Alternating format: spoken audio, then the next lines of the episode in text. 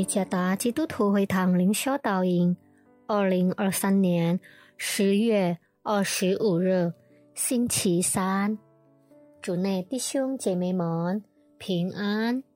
今天的灵修导引，我们会借着圣经诗篇六十八篇十九节来思想今天的主题：神的怜悯。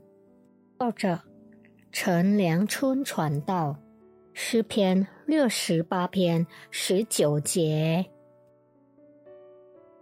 天天背负我们重担的主，就是拯救我们的神，是应当称颂的。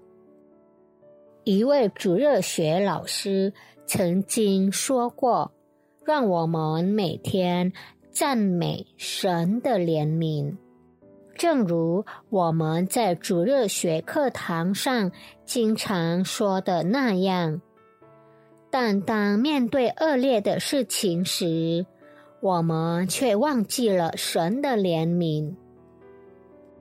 其实，正如这位主日学老师所说的，我们每个人都积极的赞美神，但却往往没有活出神的话。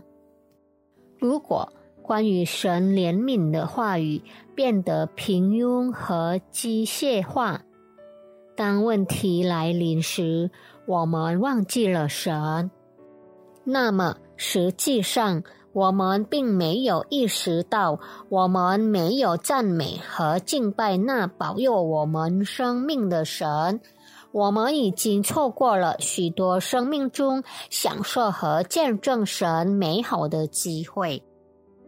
成为一个富有怜悯的人，并不是一蹴而就的，而是需要不断的经历神丰富的恩典。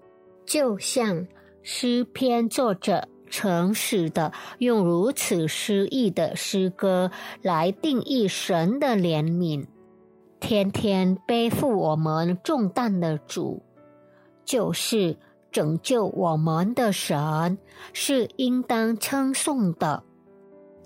身体、财富、家庭、工作，都是神所赐的，所有这些东西。不仅是值得拥有的，而且可以用来向你周围的人表示神的怜悯。回顾基督，我们看到主耶稣基督身上所反映的丰富怜悯的本质，就是他谦卑自己，取了仆人的样式。为我们舍己，只为了我们在他的怜悯中得以丰富。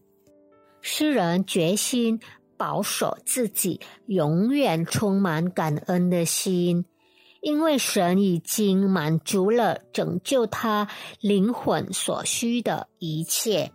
如果我们愿意永远相信基督，结果就是。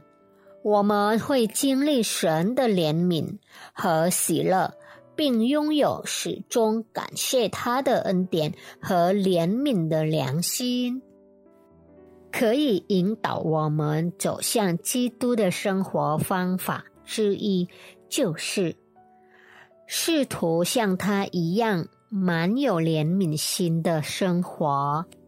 愿上帝帮助我们。